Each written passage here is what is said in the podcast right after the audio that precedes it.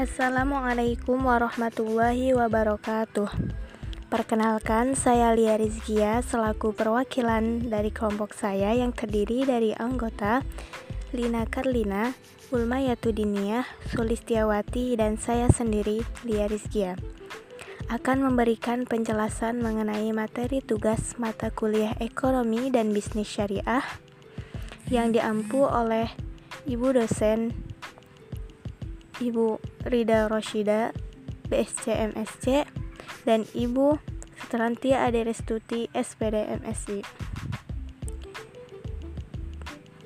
Penjelasan pertama yaitu penjelasan mengenai hukum akumulasi kapital atau the law of capital accumulation. Singkatnya, hukum ini menunjukkan bahwa apabila ekonomi dibiarkan berjalan mengikuti mekanisme pasar bebas, maka akan menyebabkan terjadinya akumulasi kapital pada para pemilik modal yang besar. Dengan kata lain, yang kaya semakin kaya dan yang miskin semakin miskin. Ringkasnya, dalam hukum akumulasi kapital mencakup beberapa poin, di antaranya yang pertama, dalam suatu persaingan bebas, perusahaan besar pasti akan memakan perusahaan kecil. Mengapa? Karena akumulasi kapital hanya terjadi pada perusahaan dengan modal yang besar.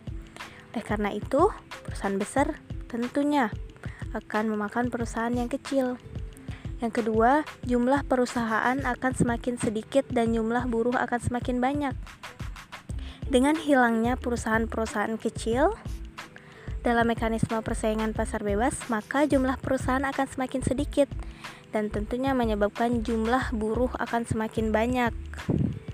Nah, yang ketiga, perusahaan besar akan selalu memenangkan persaingan dalam pasar bebas. Karena perusahaan besar tentunya lebih unggul uh, terkait sumber daya manusia, uh, modal, pasar dan lain sebagainya ketimbang dengan perusahaan yang kecil. Oleh karena itu, tentu saja perusahaan besar akan selalu memenangkan persaingan dalam pasar bebas ini. Dan yang terakhir, akumulasi perusahaan besar akan semakin besar dikarenakan modal atau pendapatan yang besar, uh, pendapatan yang besar hanya akan didapat oleh perusahaan-perusahaan besar dengan modal besar. Oleh karena itu, akumulasi perusahaan besar pada mekanisme uh, persaingan pasar bebas akan semakin besar. Yang kedua, yaitu teori nilai lebih tenaga kerja atau surplus labor and value theory. Nah, dalam teori ini menunjukkan bahwa di dalam mekanisme pasar bebas, sesungguhnya yang akan terjadi adalah penghisapan nilai kerja dari kaum buruh oleh para kaum pemilik modal, atau lebih ringkasnya yaitu uh, teori tentang kezaliman sistem kapitalis terhadap para kaum pekerja atau buruh. Nah, di dalam teori ini mencakup beberapa hal yaitu sumber satu-satunya bagi nilai adalah usaha yang dikorbankan untuk memproduksi suatu barang.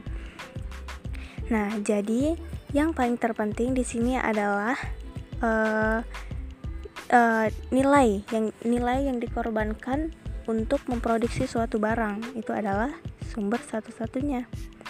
Nah, terus lalu ada para pemilik modal dalam sistem kapitalis membeli tenaga pekerja dengan upah tidak lebih dari sekedar mempertahankan hidupnya agar bisa bekerja.